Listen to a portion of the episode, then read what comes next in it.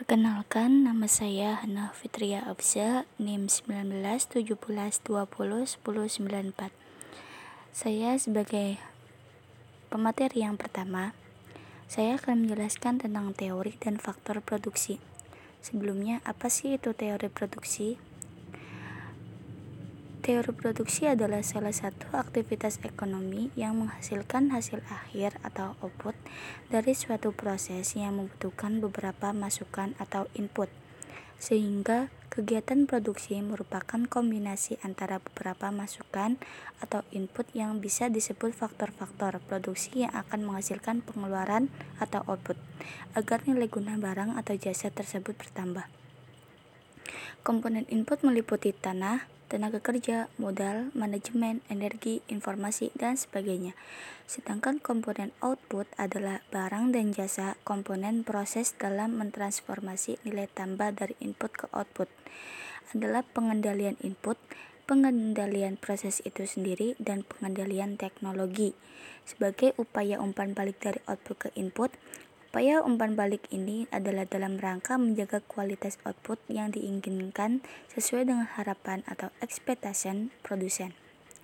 Jika ditelaah lebih lanjut, pengertian produksi dapat ditinjau dari dua sudut, yaitu pengertian produksi dalam arti sempit, yaitu mengubah bentuk barang menjadi barang baru, ini menimbulkan from utility. Yang kedua, pengertian produksi dalam arti luas, yaitu usaha yang menimbulkan kegunaan karena place, time, dan possession. Selanjutnya ada faktor produksi. Faktor produksi disebut dengan input. Input merupakan hal yang mutlak, karena proses produksi untuk menghasilkan produk tertentu dibutuhkan sejumlah faktor produksi tertentu.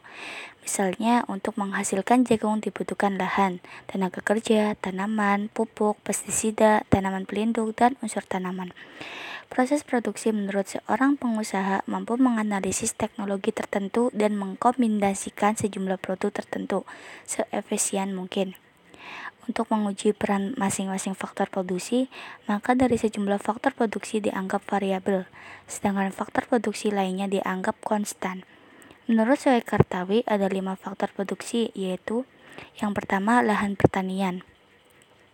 Lahan pertanian dapat dipetakan dengan tanah pertanian.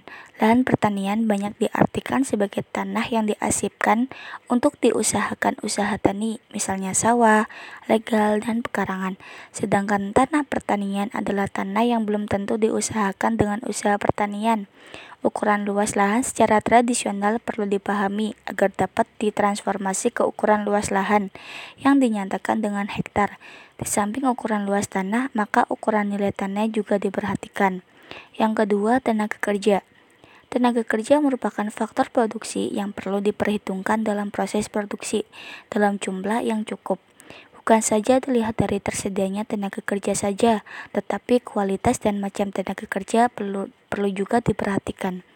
Jumlah tenaga kerja ini masih banyak dipengaruhi dan dikaitkan dengan kualitas tenaga kerja, jenis kelamin, musim, dan upah tenaga. Bila kualitas tenaga kerja ini tidak diperhatikan, maka akan terjadi kemacetan dalam proses produksi. Yang ketiga, modal. Dalam proses produksi pertanian, modal dipetakan menjadi dua macam, yaitu yang pertama, modal tidak bergerak atau biasanya disebut modal tetap. Faktor produksi seperti tanah, bangunan, dan mesin-mesin sering dimasukkan dalam kategori modal tetap. Yang kedua, Modal tidak tetap atau modal variabel adalah biaya yang dikeluarkan dalam proses produksi dan habis dalam satu kali dalam proses produksi. Misalnya biaya produksi untuk membeli benih, pupuk, obat-obatan, atau yang dibayarkan untuk pembayaran tenaga kerja. Yang keempat ada manajemen. Dalam usaha tani modern, peranan manajemen sangat penting dan strategis, yaitu sebagai seni untuk merencanakan, mengorganisasi, dan melaksanakan serta mengevaluasi suatu proses produksi.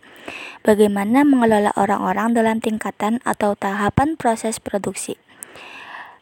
Yang terakhir ada produk Hasil akhir dari suatu proses produksi adalah produk atau output. Dalam bidang pertanian, produk atau produksi ini bervariasi karena perbedaan kualitas. Pengukuran terhadap produksi juga perlu perhatian karena keragaman kualitas tersebut.